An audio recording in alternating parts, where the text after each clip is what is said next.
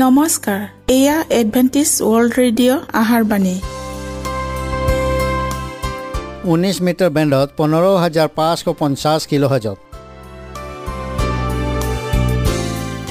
Adventist world radio যোগে অসমীয়া ভাষাত প্ৰচাৰিত আহাৰবাণী প্ৰত্যেক বুধবাৰ আৰু দেওবাৰ সন্ধিয়া সাত বজাত আহাৰবাণী শুনাৰ পিছত আপোনালোকৰ কিবা মন্তব্য আৰু প্ৰশ্ন থাকিলে আমালৈ এই ঠিকনাত লিখক।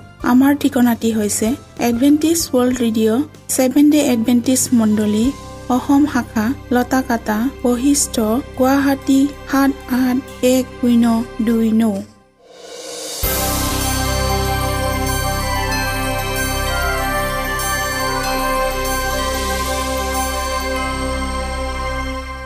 প্ৰিয় শ্ৰোতা বন্ধুসকল এতিয়া শুনো আহক এটি খ্ৰীষ্টীয় ধৰ্মীয় গীত।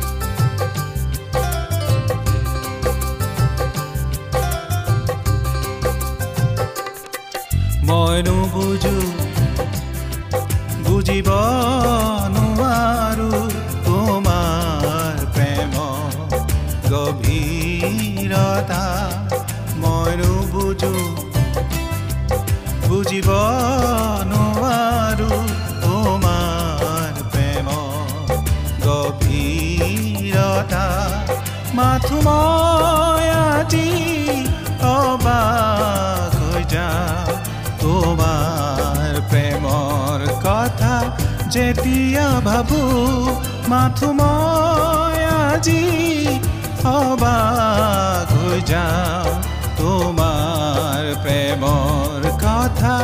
যেতিয়া ভাবো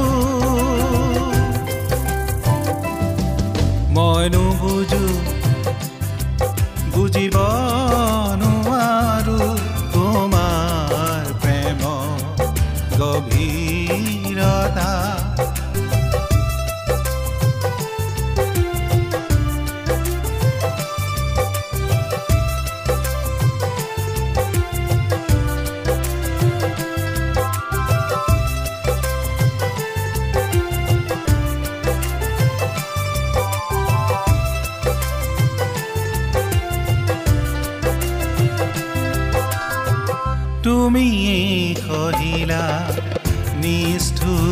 যাতনা ক্ৰুচৰ নিজকে অৰ্পিলা মোৰ পাপৰ বুজা বহন কৰিলা তোমাৰ তেজেৰে মোক উদ্ধাৰিলা তুমি কহিলা নিষ্ঠুৰ যাতনা ক্ৰুচৰ ওপৰত নিজকে অৰ্পিলা মোৰ পাপৰ বুজা বহন কৰিলা তোমাৰ তেজেৰে মোক উদ্ধাৰিলা ভাষা নাই আজি বুজাবলে যিছু তোমাৰ ত্যাগৰ কথা।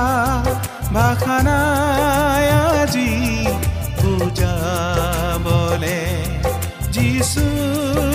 তোমাৰ ত্যাগৰ কথা মই নুবুজো বুজিব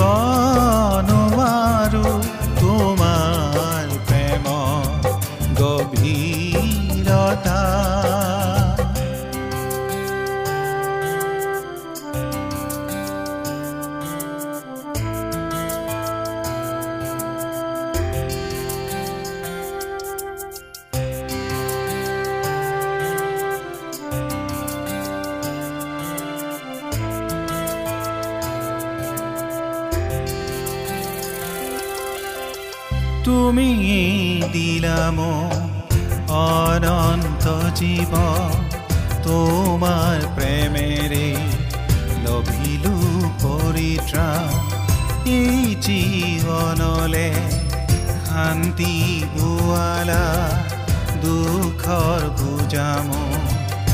আঁতৰ কৰিলা তুমি দিলা অনন্ত জীৱ তোমাৰ প্ৰেমেৰে লভিলো পৰিত্ৰা এই জীৱনলে শান্তি পোৱালা দুখৰ পূজাম আঁতৰ কৰিলা ভাষা নাই আজি বুজাবলে যিছু তোমাৰ প্ৰেমৰ কথা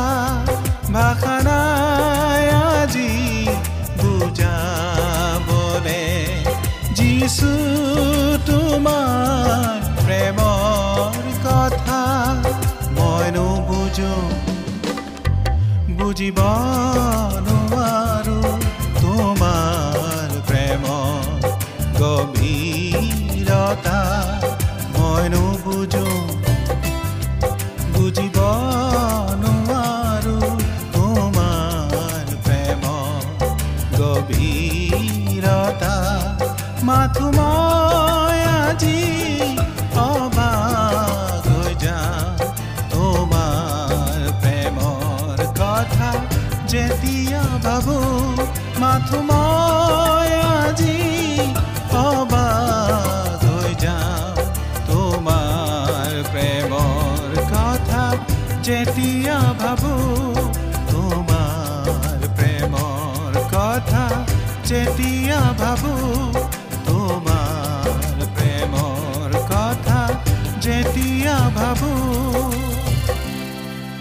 প্ৰিয় শ্ৰোতা বন্ধুসকল আহক আমি খন্তেক সময় বাইবেল অধ্যয়ন কৰোঁ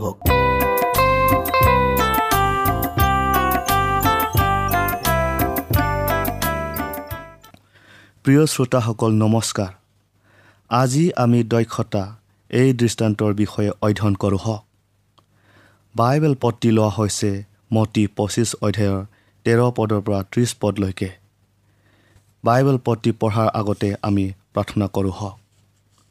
স্বৰ্গত থকা পবিত্ৰ কৰোণাময় ঈশ্বৰ জেহুৱা ধন্যবাদ প্ৰভু এই বিশেষ সময় দিয়াৰ বাবে। প্ৰভু আজি আমি যি বিশেষ বিষয় অধ্যয়ন কৰিবলৈ আগবঢ়াইছোঁ এই বিশেষ বিষয় সম্পূৰ্ণকৈ যেন বুজি পাই এনে তুমি আমাক পবিত্ৰ আত্মাৰে ভৰপূৰ কৰি দিয়া। যীশুৰ নামত খুজিলোঁ আমেন। বাইবেল পদটো আমি পঢ়োঁ হওক। এতেকে পৰ দি থাকা। কিয়নো সেইদিনা বা সময় তোমালোকে নাজানা। কিয়নো স্বৰ্গৰ ৰাজ্য এনে এজন মানুহৰ নিচিনা যি নিজৰ দাহবিলাকক মাতি আনি নিজ সম্পত্তি সিহঁতৰ হাতত সোধাই দি দূৰ দেশলৈ যায়। তেওঁ এজনক পাঁচ গাগৰি এজনক দু গাগৰি এজনক এক গাগৰি প্ৰতিজনক তাৰ শক্তি অনুসাৰে ধন দি যাত্ৰা কৰিলে। তাতে যিজনে পাঁচ গাগৰি পাইছিল সি তেতিয়াই গৈ তাৰে সৈতে বেপাৰ কৰি আৰু পাঁচ গাগৰি লাভ উলিয়ালে। সেইদৰে যিজনে দু গাগৰি পাইছিল সিও আৰু দু গাগৰি লাভ পালে। কিন্তু যিজনে এক গাগৰি পাইছিল সি গৈ মাটিত গাঁত খান্দি তাৰ প্ৰভুৰ ধন লুকাই থলে। বহুদিনৰ পাছত সেই দাবোৰৰ প্ৰভুৱে আহি সিহঁতে সৈতে লেক বুজ কৰিলে। তেতিয়া যিটোৱে পাঁচ গাগৰি পাইছিল সি আৰু পাঁচ গাগৰি আনি ক'লে হে প্ৰভু আপুনি মোক পাঁচ গাগৰি গোটাই দিছিল। চাওক মই আৰু পাঁচ গাগৰি লাভ কৰিলোঁ। তাৰ প্ৰভুৱে তাক ক'লে চাব্বাইছ উত্তম বিশ্বাসী দাহ তুমি অলপ বিষয়তে বিশ্বাসী আছিলা। তোমাক অনেক বিষয়ৰ গৰাকী পাতিম। তুমি তোমাৰ প্ৰভুৰ আনন্দৰ ভাগি হোৱা। পাছে যিজনে দু গাগৰি পাইছিল সিও আহি ক'লে হে প্ৰভু আপুনি মোক দু গাগৰি গোটাই দিছিল। চাওক মই আৰু দু গাগৰি লাভ কৰিলোঁ তাৰ প্ৰভুৱে তাক ক'লে চাব্বাইছ উত্তম বিশ্বাসী দাহ তুমি অলপ বিষয়তে বিশ্বাসী আছিলা। তোমাক অনেক বিষয়ৰ গৰাকী পাতিম। তুমি তোমাৰ প্ৰভুৰ আনন্দৰ ভাগি হোৱা। পাছে যিজনে এক গাগৰি পাইছিল সি আহি ক'লে হে প্ৰভু আপুনি কঠিন মানুহ ইয়াক মই জানিলোঁ। আপুনি যি ঠাইত বোৱা নাই তাতে দায় আৰু যি ঠাইত সিঁচা নাই তাতে চপায় তাতে ভয় লাগি মই গৈ আপোনাৰ ধন গাগৰি মাটিত লুকাই থৈছিলোঁ। চাওক আপোনাৰ যি তাক পাইছে। কিন্তু তাৰ প্ৰভুৱে উত্তৰ দি তাক ক'লে হেৰ দুষ্ট এলেহুৱা দা মই যি ঠাইত নবওঁ তাতে দাওঁ আৰু যি ঠাইত নিহিছোঁ তাতে চপাওঁ ইয়াকে তই জানিছিলি। এতেকে পোদাৰ হাতত মোৰ ধন থ'ব লাগিছিল তাতে মই আহি সোঁতে সৈতে মোৰ ধন পালোহেঁতেন। এই নিমিত্তে ইয়াৰ পৰা এই গাগৰি লৈ যাৰ দহ গাগৰি আছে তাক দিয়া। কিয়নো যাৰ আছে তাকে দিয়া হ'ব তাতে তাৰ অধিক হ'ব। কিন্তু যাৰ নাই তাৰ যি আছে তাকো তাৰ পৰা নিয়া হ'ব। আৰু এই অনুপযুক্ত দাসক বাহিৰৰ আন্ধাৰত পেলোৱাগৈ তাতে ক্ৰদন আৰু দাঁত কৰচনি হ'ব। প্ৰিয় শ্ৰোতাসকল কৃষ্টই জৈতুন পৰ্বতত ওপৰত তেওঁৰ শিষ্যবিলাকক পৃথিৱীলৈ তেওঁৰ দ্বিতীয় আগমনৰ বিষয়ে কৈছিল। তেওঁ কোৱা নিৰ্দিষ্ট চিনবোৰ ঘটিলেই তেওঁৰ আগমন ওচৰ হ'ল বুলি জানি শিষ্যবিলাকক যুগুত হ'বলৈ সকীয়াই দিছিল। তেওঁ পুনৰ সতৰ্কবাণী দোহাৰিলে পৰ দি থাকা কাৰণ তোমালোকে সেইদিন বা সময় নাজানা। তাৰ পাছত তেওঁৰ আগমন কাৰণে পৰ দি অপেক্ষা কৰা অৰ্থ বুজাই দিলে। অবাবত এই সময় অতিবাহিত কৰিবলৈ নহয় কিন্তু কৰ্ম কৰিবলৈহে। কাৰ্য দক্ষতাৰ দৃষ্টান্তেৰে তেওঁ এই শিক্ষা দিলে। স্বৰ্গ ৰাইজৰ তুলনাৰে তেওঁ কৈছিল সেই সময়ত স্বৰ্গ ৰাইজক দূৰ দেশলৈ যাত্ৰা কৰিবলৈ ওলোৱা এজন মানুহৰ লগত তুলনা দিয়া হ'ব। তেওঁ দাসবিলাকক মাতি আনি তেওঁৰ সম্পত্তিৰ দায়িত্ব দিলে। তেওঁ সিহঁতৰ এজনক পাঁচ হাজাৰ এজনক দুহাজাৰ আৰু আন এজনক এহাজাৰ ৰূপৰ মুদ্ৰা সিহঁতৰ সামৰ্থ্য অনুসৰি ভগাই দি দূৰ দেশলৈ গ'ল। দূৰ দেশলৈ প্ৰস্থান কৰা ব্যক্তিজন প্ৰতীক ৰূপক কৃষ্টক বুজাইছে। যিজনাই এই দৃষ্টান্তত অতি সোনকালে জগতৰ পৰা স্বৰ্গলৈ যোৱাৰ কথা কৈছে। দৃষ্টান্তৰ দ্বাৰাই দাবিলাকক অৰ্থাৎ কৃষ্টৰ অনুগামীবিলাকক প্ৰথম কৰিন্তীয়া ছয় অধ্যায়ৰ বিছ পদত কৈছে। কিয়নো ঈশ্বৰে তোমালোকক মূল্যৰে কিনিলা। আৰু এক পিতৰ এক অধ্যায়ৰ ওঠৰ আৰু ঊনৈছ পদত কৈছে সোণ ৰূপ আদি ক্ষয়নীয় বস্তুৰ দ্বাৰাই মুক্ত হলা এনে নহয়। কিন্তু কৃষ্টৰ বহুমূলীয়া তেজৰ দ্বাৰাইহে তোমালোক মুক্ত হলা। দ্বিতীয় কৰিন্থিয়া পাঁচ অধ্যায়ৰ পোন্ধৰ পদত কৈছে তেওঁ সকলোৰে কাৰণে মৰিল যাতে যিবিলাক জীয়াই আছে তেওঁলোকে যেন আৰু নিজৰ নিমিত্তে নিজি তোমালোকৰ নিমিত্তে যিজনা মৰি পুনৰ যি উঠিল তেওঁৰ নিমিত্তেহে জীয়াই থাকে। প্ৰিয় শ্ৰোতাসকল সকলো মানুহক নিৰূপণ কৰিব নোৱাৰা মূল্যৰে কিনা হ'ল। স্বৰ্গৰ আটাই সঞ্চিত ঐশ্বৰ্যৰে কৃষ্টৰ যোগেদি এই জগতখনক জলপ্লাৱনৰ দৰে বুঢ়াই দি আমাৰ ইচ্ছা শক্তি আমাৰ দুৰ্বলতা আমাৰ মন প্ৰাণ আৰু আমাৰ সৰ্বস্ব তেওঁ কিনিলে। বিশ্বাসী বা অবিশ্বাসী সকলোৱে ঈশ্বৰৰ সম্পত্তি স্বৰূপ। সেয়ে ঈশ্বৰে তেওঁৰ কাৰ্যৰ অৰ্থে সকলোকে আহ্বান কৰিছে। আৰু তেওঁলোকে যেনেকৈ এই আসনৰ প্ৰতি সঁহাৰি জনালে সেই মহাসুদ বিচাৰৰ দিনা তাৰ হিচাপ দিব লাগিব। ঈশ্বৰৰ স্বত্বাধিকাৰৰ প্ৰতি কোনেও স্বীকৃতি প্ৰদান নকৰিলে। দৃষ্টান্তত উল্লেখ থকাৰ দৰে যিবিলাকে কৃষ্টৰ কাৰ্যৰ অৰ্থে নিজকে উৎসৰ্গ কৰাবিলাকেহে তেওঁৰ নিজা দাহবিলাক। ঈশ্বৰৰ কাৰ্য কৰিবৰ অৰ্থে কৃষ্টৰ অনুগামীবিলাকক উদ্ধাৰ কৰা হৈছে। আমাৰ প্ৰভুৱে আমাক শিকাইছে যে ঈশ্বৰৰ পৰিচৰ্যা কৰাৰ প্ৰকৃত দৃশ্যমান লক্ষ্য। কৃষ্ট স্বয়ং এজন কৰ্মব্যস্ত ব্যক্তি আছিল আৰু তেওঁৰ সকলো অনুগামীকে কৰ্মমুখৰ হোৱাৰ বিধি অনুমোদন কৰিছে। ঈশ্বৰৰ প্ৰতি কৰ্ম আৰু নিজৰ চাৰিওফালে থকা লোকবিলাকৰ প্ৰতি কৰ্ম। আগতে জ্ঞানত থাকিলেও এতিয়া কৃষ্টই জগতক জীৱনৰ এক উচ্চ ধাৰণাৰ প্ৰবৃত্তি আগবঢ়াইছে। পৰ সেৱাৰ দ্বাৰাই মানুহ কৃষ্টৰ কাষলৈ চাপি আহিব পাৰে।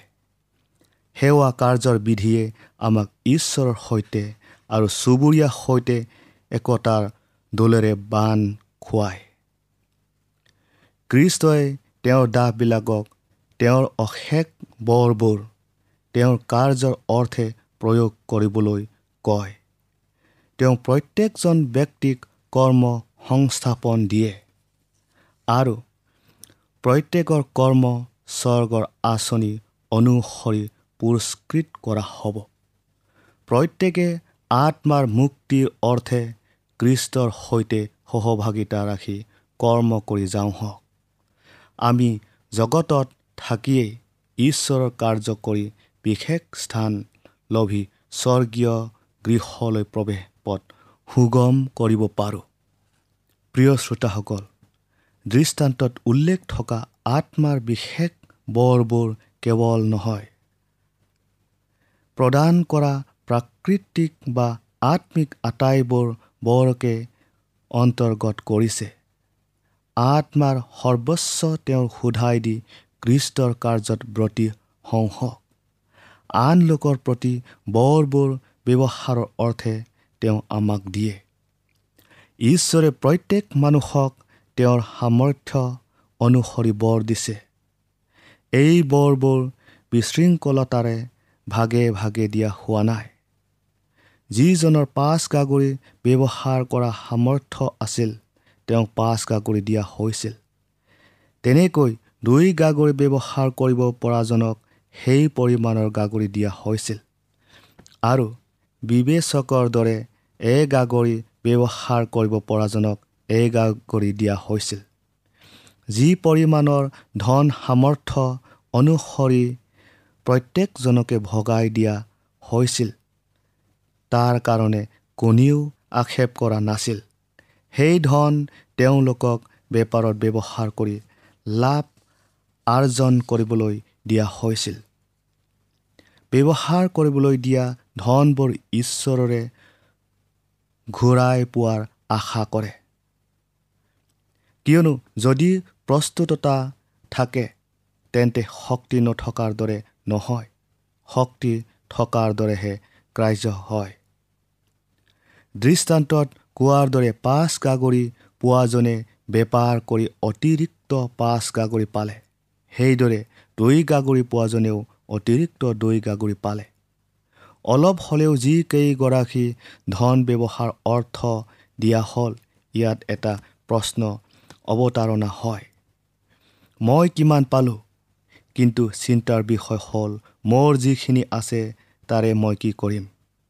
আমাৰ শক্তিৰ বিকাশ ঘটোৱাই আমাৰ প্ৰাৰম্ভিক কৰ্তব্য যাৰ বাবে ঈশ্বৰ আৰু মানুহৰ প্ৰতি আমি ধৰোৱা।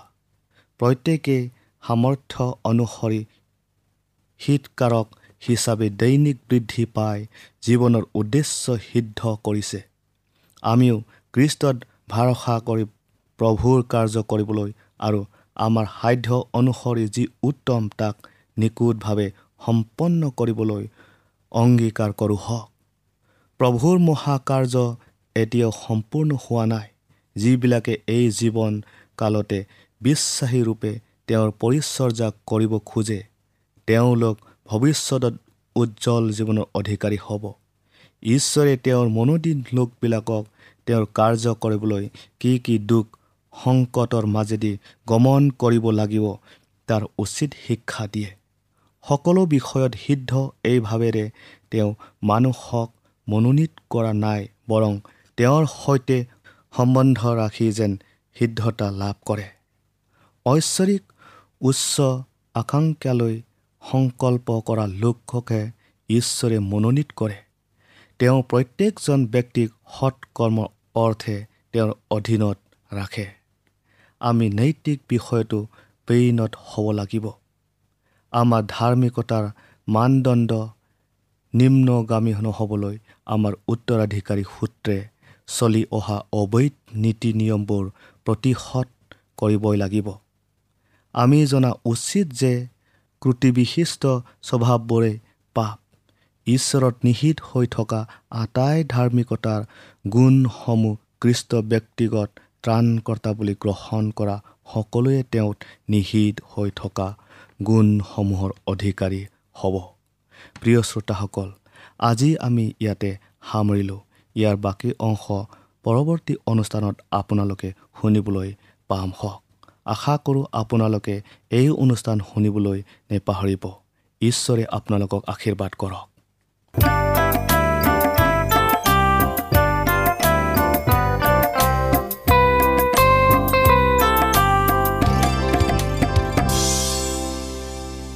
ইমানপৰে আমি বাইবেল অধ্যয়ন কৰিলোঁ। এতিয়া আকৌ শুনো আহক এটি খ্ৰীষ্টীয় ধৰ্মীয় গীত।